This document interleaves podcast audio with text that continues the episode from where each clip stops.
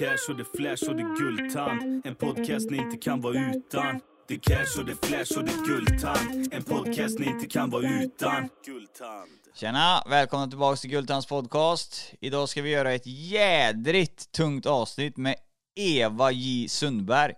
Som varit medlem i eh, Jehovas vittnen i 57 år. Eh, hon är avhoppad idag och lättar på trycket rejält. Vi får reda på allting om deras sjuka jävla idéer och deras eh, incestbeteende och ligga med småtjejer och våld och allt möjligt. Så det här kommer bli ett jädrigt laddat avsnitt som vi säkert kommer få mycket kritik för. Men det skiter vi i här på Gultans podcast. Nu kör vi! Välkommen in i studion Eva. Tack Alexander. Det är lite komiskt att du sitter här idag faktiskt. eh, För det är ju en, det är en slump att du sitter där. Ja, verkligen. Och den ska jag berätta om nu så ni ska få veta det. Det var så här va, att Eva la ut eh, att hon ville sälja kattmat i Borås, alltså i en grupp. Ni bor ju runt om i Sverige, där har vi grupper som heter Facebook köp och sälj, eh, Göteborg köp och sälj, eh, Norrland. Och här, eh, det här var också en eh, köp och säljgrupp fast i Borås. Så jag vet inte riktigt varför jag fick upp det på min vägg. Men där fick jag upp i alla fall att du sålde kattmat. Eh, och då erbjöd jag väl dig att jag ville köpa den men jag ville att du skulle skänka den till ett katthem i närheten va? Exakt. Ja. Och så blev det ju. Så blev det. Ja. Och sen så la du ut ett inlägg och tackade att eh, jag och min fru hade gjort så då och eh, så här. Och så skrev du lite på Messenger och någonstans där så klickade jag ju in på din profil då. Eh, och förstod att eh, det var ju inte bara slumpen utan det var nog menat att jag skulle köpa den kattmaten. Antagligen. Och här sitter vi och ska leverera ett eh, väldigt tungt poddavsnitt enligt min mening. Så jag tycker att eh, vi kör på här. Du är här idag för att vi ska diskutera Jehovas vittnen. Eh, och åldern mellan dig och mig skiljer ju väldigt mycket. Så att vi har väldigt olika uppfattningar om Jehovas vittnen kommer jag, det kan jag säga garanterat Ja. att vi kommer att. Det blir intressant. Ja. Men vi börjar med dig. Eva J Sundberg heter du. Var är du född och hur gammal är du idag? Jag är 73 fyllda Ja. och jag är född och uppvuxen i Helsingborg. Helsingborg. Det hör man nästan lite på dialekten. Ja, folk brukar säga det, att det hörs. Ju äldre jag blir desto mer kommer det tillbaka. Ja. Eh, hur såg din barndom ut? Vad, vad kommer du ihåg från din barndom när du var liten? Länge, ända upp i, långt upp i vuxen ålder så upplevde jag att jag hade en väldigt lycklig barndom. Mm. Jag hade en mamma, jag hade en pappa som älskade mig. Jag hade en tre, fyra år yngre bror. Fyra år yngre bror hade jag. Och eh, vi, vi umgicks ju mycket med andra människor. Vi umgicks i familjen. Vi var alltid tillsammans. Och på den tiden fanns ju varken tv eller eh, knappt radio. Eh, och eh, definitivt inga mobiltelefoner. Nej. Inga vanliga heller i början. Det kom när jag var i 7-8 års åldern. Eh, så att vi gjorde väldigt mycket tillsammans. Och pappa tog oss med ut i naturen och lärde oss mycket om havet och skogen och snön och djuren. Och eh, mamma var den där trygga personen och hon lärde mig allt som en flicka ska kunna och veta på den tiden. Vad skulle en flicka kunna veta på Hon den skulle tiden? kunna laga mat, hon, kunde, hon, hon skulle göra det bra, hon skulle kunna städa ordentligt, hålla rent.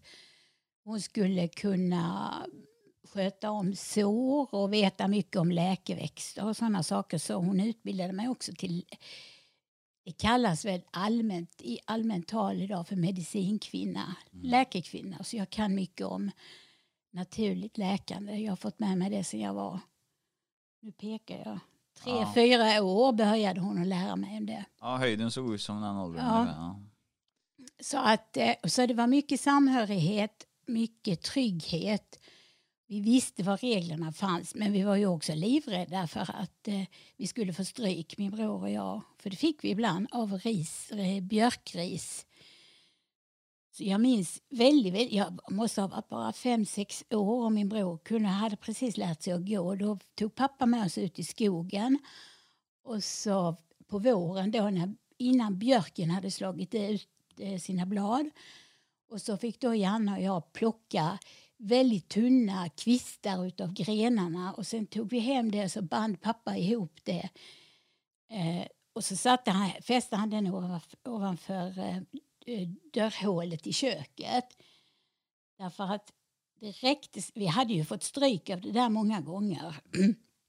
när, det, när han ville tukta oss, som det hette.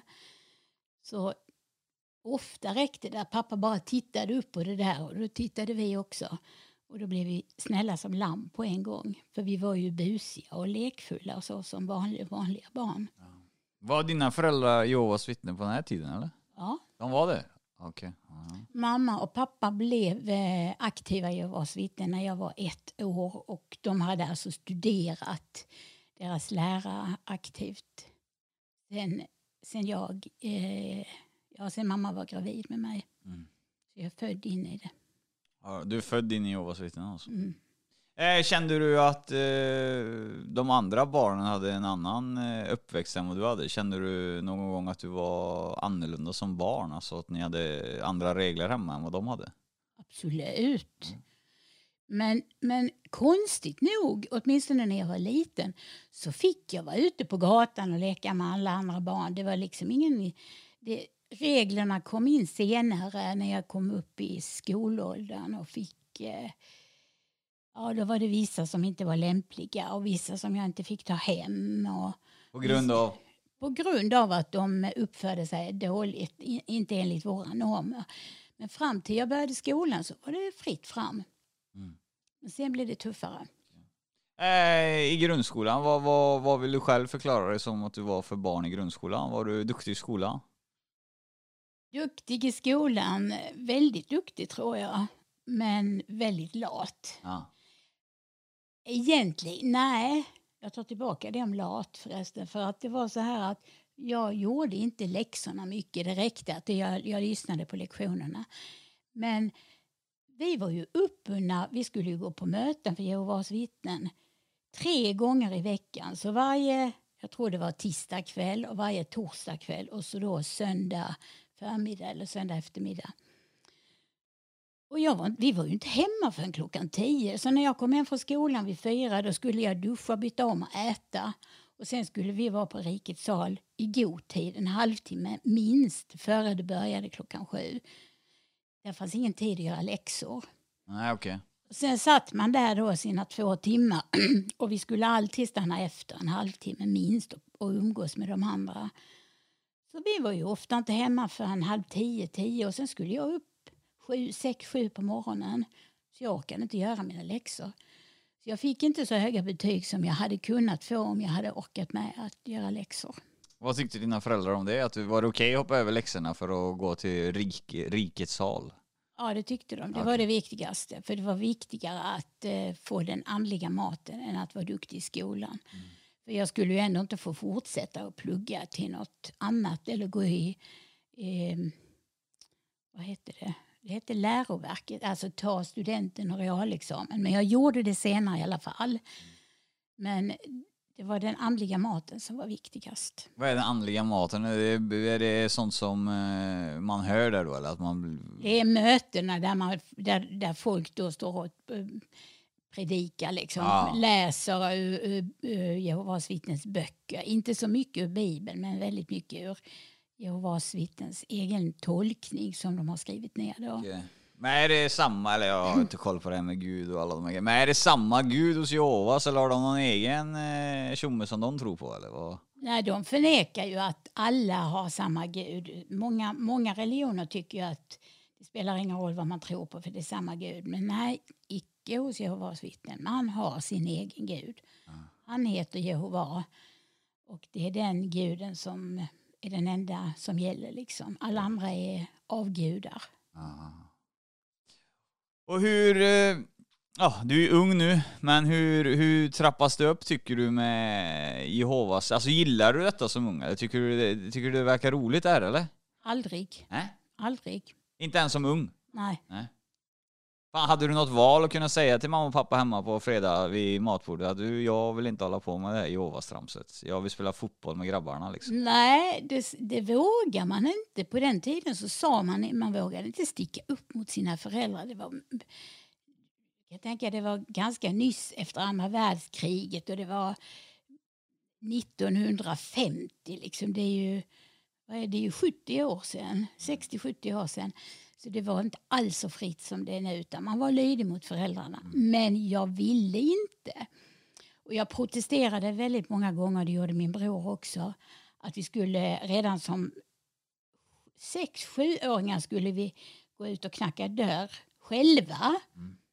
utan att ha någon vuxen med oss. Men mamma eller pappa eller någon annan betrodd kunde stå liksom bortanför hörnet men vi skulle träna på detta själva. Och knacka på främmande människors dörrar och predika lite för dem. Och jag var livrädd för det. Jag var livrädd att jag skulle träffa någon jag kände.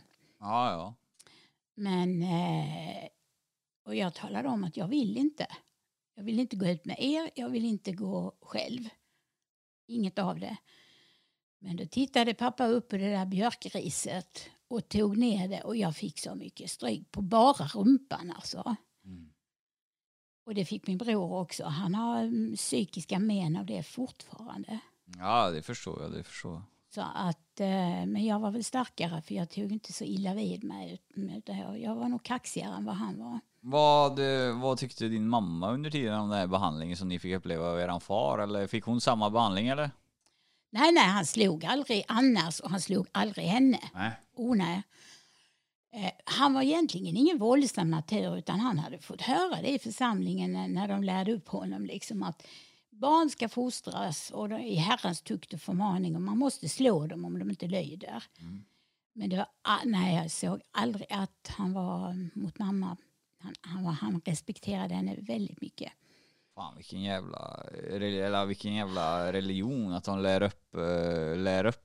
eh, Det är, alltså det är ju Jehova som har lärt upp att man ska Ja, slå ja, sina ja, barn. ja, ja, precis. Mm. Och det var ju tillåtet i lag på den tiden också. Ja just ja, barnaga fanns då. Ja, det fanns det. Mm. Så det var inget fel.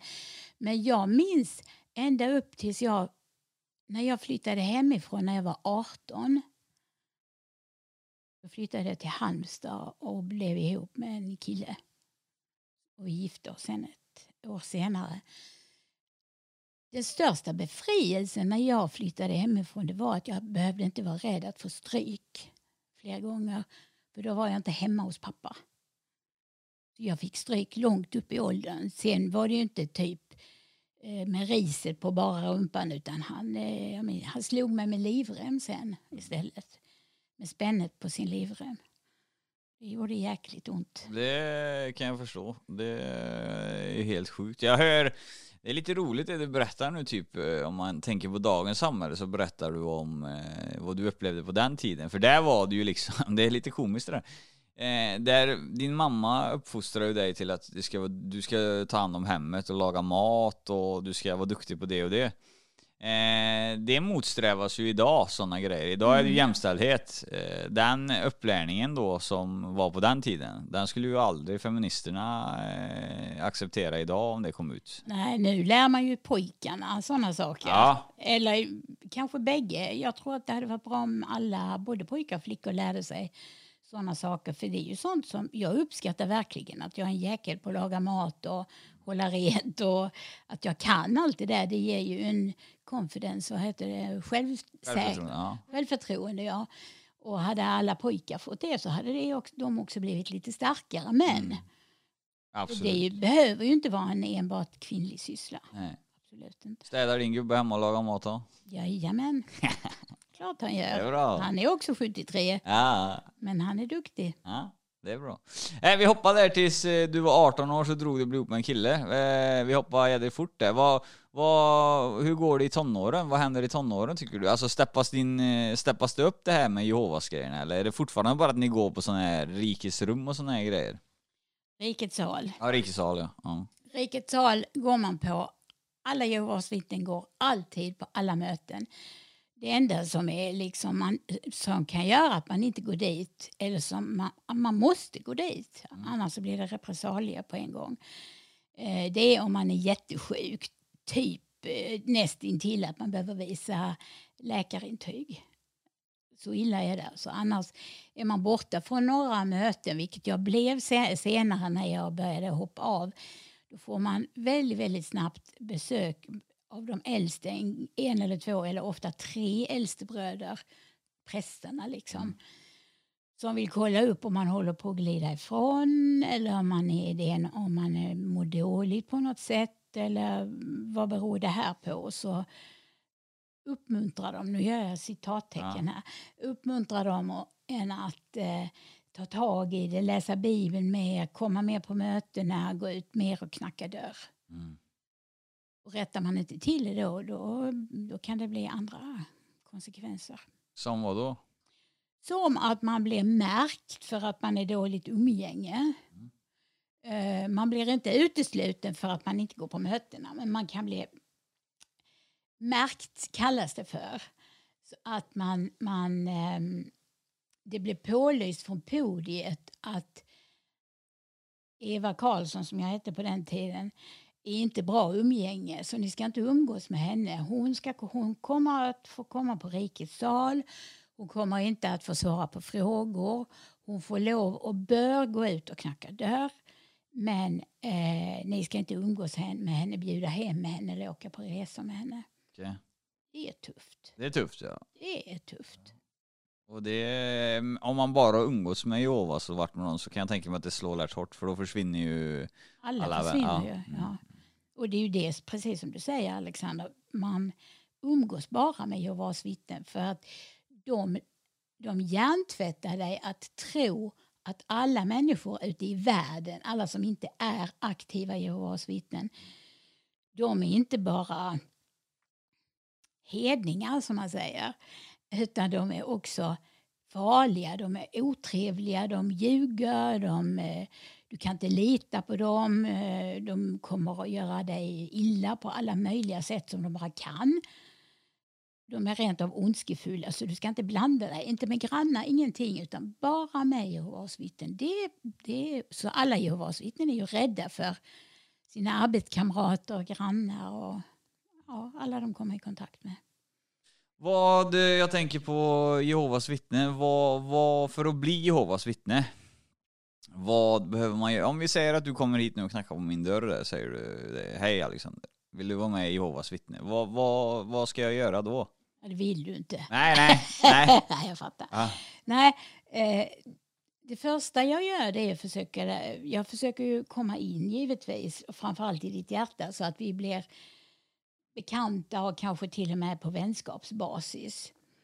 Och jag försöker väldigt, väldigt snabbt få igång ett så kallat bibelstudium med dig. Ja. Men det är inte ett bibelstudium utan det är ett studium i en av Jehovas vittnes egna publikationer där de har skrivit ner sin tolkning av något visst ämne i Bibeln. Ja. Den, nu vet jag inte, för nu är det ett bra tag sedan jag lämnade, men när jag lämnade så var det en bok, jag kommer inte ihåg vad den heter nu, inte så tjock, men i alla fall, det skulle ta sex månader att studera igenom den med dig. En gång i veckan skulle vi ta delar av ett kapitel. Det fanns ett fast schema för det, hur långt man skulle ta per vecka. Och då går det ut på att jag ska försöka hjärntvätta dig så att du köper konceptet. Ja. Väldigt försynt i början, men jag är en jäkel på att hjärntvätta och programmera. Ja. Det har jag blivit sen jag var liten. Eh, efter några veckor så kommer jag bjuda in dig till Rikets sal och tala om hur trevligt det är och hur mycket vänskap vi har. Och du kommer att uppleva fantastiska eh, människor och ja, allt väldigt positivt. Så kommer du till Rikets sal och lyssnar på ditt första möte som nästan alltid är ett offentligt föredrag en timme på söndag förmiddag. Offentligt föredrag, vad menar du med det? Ja, vem som helst får komma. Alltså okej, ja, ja, så det är fler som är där då alltså. Det är inte bara mig, jag som är där själv Nej, då? det kan vara fler, fler än du som kommer utifrån. Mm. Mhm. Eh, Så sitter du där, sit, eller när du kommer in på Rikes sal så ser ju alla, jag menar alla verkligen ser att oj, här kommer ju ny, Eva har med sig en kille. Mm. Giv, för att det, ko- det kommer inte nya så jätteofta. Nej. Så att alla 70-80 ah, i församlingen kommer att formligen storma dig. Hälsa på dig, presentera sig, bjuda hem dig. Eh, och uppriktigt, de är uppriktigt glada för att det har kommit någon ny som vill förhoppningsvis sälla sig till eh, gänget. Så när du sätter dig och lyssnar på föredrag så är du ganska hög. Du tycker att åh, vilken stämning det var här. De är ju älskvärda varenda en. Och det är man i det läget. Då lyssnar du på föredraget och förhoppningsvis ger det dig någon idé eller någon önskan om att veta mer.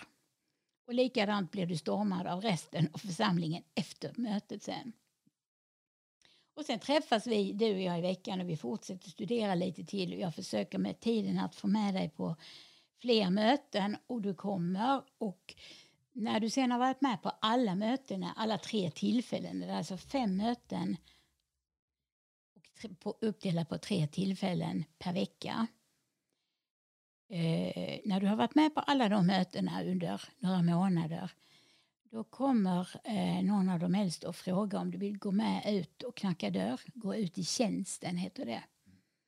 Och det tackar du ja till och då får du följa med mig ut och så gör vi det tillsammans. Och småningom så känner du dig modig nog att eh, ta en egen dörr som man säger. Alltså att göra det själv fast jag är med dig.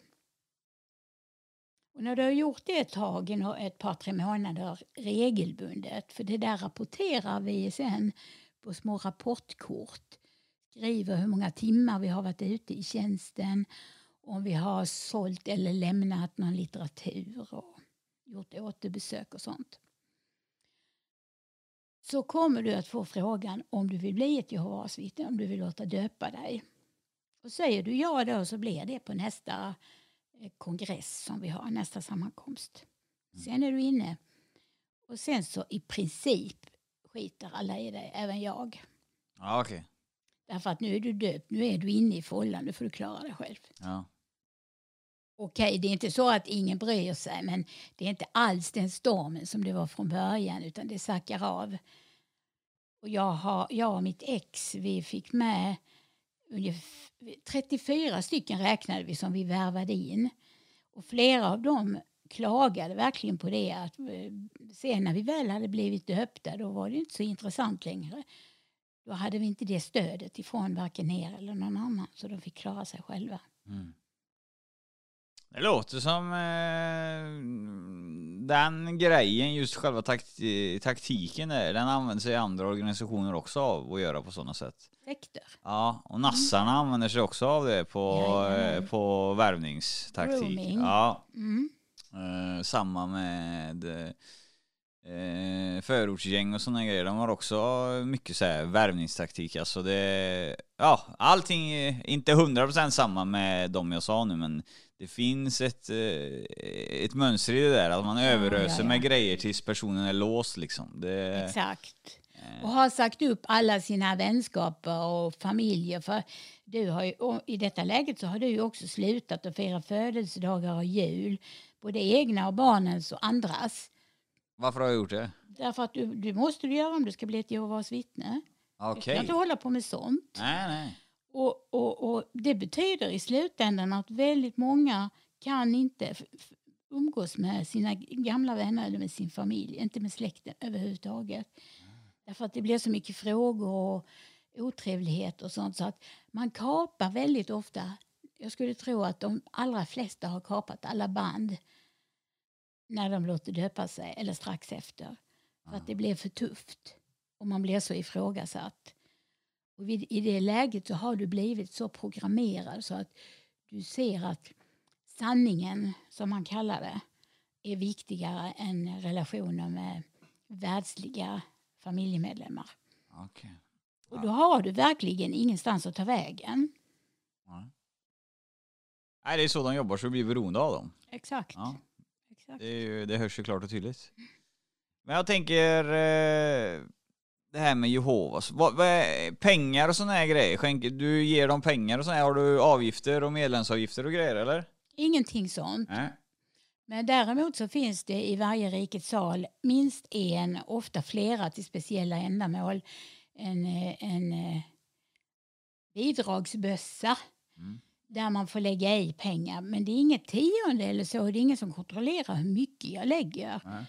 Men det kommer alltid in frivilliga bidrag som för, till hyran för att driva rikesal och elkostnader och de där praktiska sakerna som alltid följer en, eh, en fastighet. För man har nästan alltid eget eh, bygge ju. Eh, och blir det något över eller om det från podiet pålyses att nu behöver sällskapet Vakttornet mer pengar till något projekt eller vad det nu är för något. Så det, allt det som blir över, för du lägger alla extra. Mm. Så när det blir över från driftskostnaderna och det som behövs för att driva riketsalen så skickar man dem då till eh, huvudkontoret. Och det, blir, det finns absolut noll redovisning. Ingen vet vart pengarna tar vägen. Nej, nej, det sitter väl de... Och jag har frågat flera gånger men jag anses ju som väldigt jobbig då. Alltså. Ja. Det har du inte med att göra. Och det finns inte. Och varför ska du veta det? Och ska du sätta dit någon? Sådana svar har jag fått. Ja. Det, det låter inte som de var med i bokföringen precis. Nej, verkligen inte. nej, men eh, nej, jag fattar vad du menar. Alltså, det är knas. Alltså, men det räknar jag ändå som att det skulle vara. Men vi går på lite, vi går på Jehovas vittnen här nu. Vi är ju här idag och vi är inte blyga. Vi blir säkert, eh, det blir säkert ramaskrik när det här läggs ut ändå för att vi blottar dem. Det är Men, det säkert. men om vi ska blotta rejält här nu så ska vi blotta mina uppfattningar om Jehovas vittnen så ska du få eh, säga till mig vad du tycker om det. Eh, Alltså mina uppfattningar och det jag har hört, alltså de har ju varit involverade i, i mord, de har varit involverade i våldsbrott, de har varit involverade i sexuella händelser, att folk ligger med varandra i sekterna liksom. Det har, det har varit, eh, vet du det, inavelsdiskussioner att eh, systrar ligger med bröder och tvärtom. Eh, de åsikterna jag har om Jehovas vittnen än så länge, det är ju att eh, eh, jag tycker personligen att det verkar vara en inavlad process överlag och väldigt stängda dörrar och skeva regler som inte eh, Eh, är med i samhället om man säger så. Alltså de skiter i eh, åldrar, hur gamla man är när man ligger med varandra. Och det gör ingenting om man ligger med någon släkting heller. Eh, och eh, du kan försvinna om du trampar på fel tår. Eh, de har våldskapital och de har också vapenkapital för att utföra vissa sysslor eh, som de äldre då som du förklarar, eh, de har sina soldater om man säger så. Den uppfattningen har jag och det jag har läst mig till om, om situationer och händelser. Om det är sant eller inte, det vet jag inte, men att de är skeva, det är sant liksom. Vad tycker du? Nu, nu är det mycket va, men vi kan ju börja, vi kan börja med det du hörde i början liksom. Du överraskar mig verkligen för att jag tänker på det här med systrar och bröder som ligger med varandra. Alla som är Jehovas vittnen är ju inte släkt. Nej, Definitivt inte. De flesta är ju inte släkt alls. nej. Och alla kallas för systrar och bröder på andligt sätt, Mm. menar de. Ja, det var det jag Så jag med. var ju ja. syster och bror med min man. Mm. Och vi var inte släkt i blodet överhuvudtaget. Så att där jag kan förstå att det blir eh, eh, resonemang om inavel. Men vad jag känner till, och jag har varit med länge, Mm. Och jag var gift med en, äldste, som, en man som han blev äldste sen och gjorde karriär mycket högre än så. Ja. Så jag känner till ganska rejält. Ja, det gör du. Och det ska du Och jag kan inte säga ja till ditt påstående om inavel. Nej. Jag känner inte till ett enda fall. Bra, då är det ju någonting som inte stämmer då. Troligen eh, så är det, kommer det från det här med systrar och bröder Ja, absolut kan det göra. För är det klart, om en syster ligger med en broder så det är klart, det känns ju konstigt att eh, tänka de orden eller de syster och broder. Men som jag sa, min man och jag, vi, var, vi hade inget gemensamt blod överhuvudtaget. Men vi är också syster och bror. Mm. Och min fysiska bror, han är jag också syster till ju. Men då är det med blodet Mm. Och andligt. Så nej, där är det tummen ner. Ja. Och sen det här med våldskapital. Mm. Jehovas vittnen tar inte till vapen. De, de vill inte ens vara, eh, göra sin militärtjänst. Mm. Och det får jag ju ge dem, att de slåss inte och de brukar inte våld. Och de har, vad jag vet så har de absolut inga soldater som går ut och inget, inga som ger order om det heller. Så att det, det, det händer ju aldrig att ett Jehovas vittne blir skjutet eller mördat på något sätt på det viset. Däremot så har det ju skett mord med att någon enstaka person har gjort det någon enstaka gång. Jag har bara hört talas om att det har skett en eller två gånger under hela min tid i utlandet, Afrika ja. eller så. Och mera då ett rånmord eller någon som har flippat ur totalt. Så våldskapital har de inte. Och den här podden, det vi gör idag, mm. vi sa ju i början, eller du sa i början att de kommer ju att reagera på något sätt. Nej. Kanske någon kommer att höra det, ramla över det. Mm. Eller någon som vill ur som är nyfiken, ja. Men de tiger ihjäl det. Det finns inte om vi inte snackar om det. Nej. Nej, jag, jag, jag, jag, där är du har ju, men har du missat det då eller har du tänkt, i USA så är det ju ett fall där, där de hittar, de hittar tre stycken skjutna Jehovas vittnen i ett så här rikets sal som det kallas. Ja, men var det Jehovas vittnen som hade skjutit då? Det är ju inte bevisat än. Nej. Men eh, det, det fanns ju ingen annan gärningsman heller, så eh, slutsatsen blev ju att, eh, det, jag läste ju att det, polisen hade ju slutsatsen var att det var internt, att det är en intern uppgörelse. Och det kan det ju vara. Jag, jag vet inte vad som har hänt efter Nej. att jag har äh, lagt av för jag, jag, är inte intresserad av dem på det sättet. Nej. Så visst, det, det, ja, ja, det är säkert sant. Men därmed inte sagt att det är så rent generellt. Nej, även om det har hänt. Inte. Men att det, för de här tre då, de hade en specifik uppgift inom Jehovas vittnen. Ja. Och alla tre ansågs vara svarta får i Jehovas vittnen. Att mm. de har mm. dratt eh, sekten då mm. eh, i örat om man säger så. Och det slutade på det sättet då. Det kan jag absolut tänka mig. Ja. För allt med våld det har, det har ju accentuerats och accelererat väldigt mycket på senaste åren. Ja. Men alltså du, du, du vill alltså påstå det, alltså, och det, det har du, du har ju varit där så länge, men du vill alltså påstå det att du, de har ingen form av hot eller våldskapital mot vanliga. Svenssons? De tiger ihjäl det. Om det är något som de inte tycker om eller håller med om eller avskyr för den delen så pratar man inte om det. Aha. Man tiger ihjäl det och då, då, finns det inte, för man vill ju inte att medlemmarna ska vara nyfikna eller börja prata om det. Jag vet det här också genom min brors familj i Stockholm. Eh, hans fru, som jag egentligen inte är släkt med, eh, hon hade med sig barn i äktenskapet med min bror. Och de barnen umgås jag väldigt mycket med. Mm. De berättar vilka otroliga diskussioner de har hemma beroende på vad jag har hittat på. Mm. Att jag har berättat och jag pratar illa om min, mitt ex när, eh, fast han har dött för ett tag sedan mm. efter vi skildes. Och, så gör man inte och Eva hon gör det och Eva hon gör det. Men det är stentufft alltså. De, de vågar inte säga någonting till några andra utan de håller det inne i kärnfamiljen i så fall. Och det är när då deras barn, som jag räknar som mina barn nu, eh, föder på tal och retar upp dem lite, då kommer det. Så de vet att det finns, men de vågar inte säga ett knyst till någon annan. Ja. Därför att det får inte spridas. Då blir det som när man gör en surdeg. Lägger man den i en vanlig ny deg så blir alltihopa en surdeg efter ett litet tag. Och därför så pratar man aldrig om sådana här saker. Tillbaka till den sexuella delen. De var hemma hos mig när jag bodde i Trollhättan för länge och då var de hemma och knackade på. Eh, jag öppnade i, i en handduk, eh, gjorde jag vet jag, och min tjej gick i, ja, i stringtrosor då och bh. Det tyckte de herrarna som, det var väldigt, eh, det var inte bra. Har du någonting med det här med sexuella, att du fått ha sex för eh, bröllopet eller giftermål eller någonting? För de tyckte det var väldigt overkligt. Eh, och även en nämnde då när han pratade med mig att, eh, för jag frågade han rakt ut om det, kommer jag ihåg. Jag var redan vass på att fråga frågor då på den tiden. Eh, och han sa det är ingenting som är godkänt för giftermål.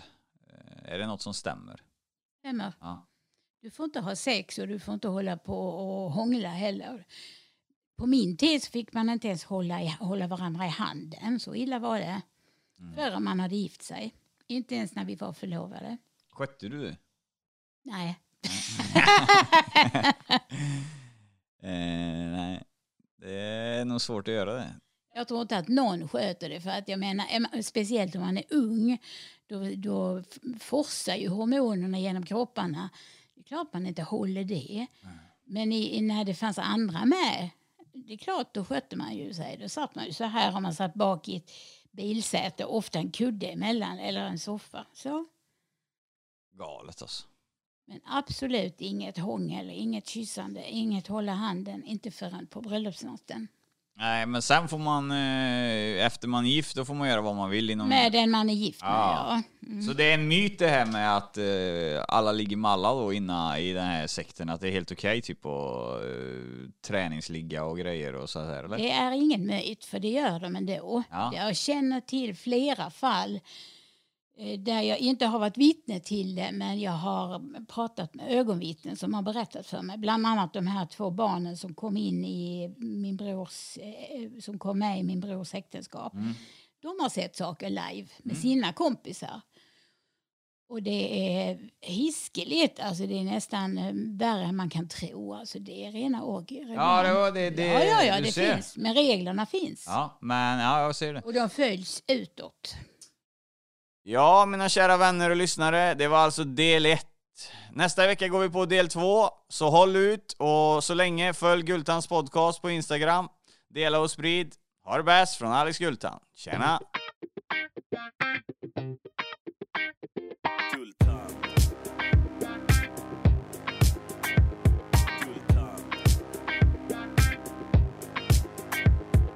Cash och det flash och det guldtand. En podcast ni inte kan vara utan. Det cash och det flash och det guldtand. En podcast ni inte kan vara utan. Guldtand.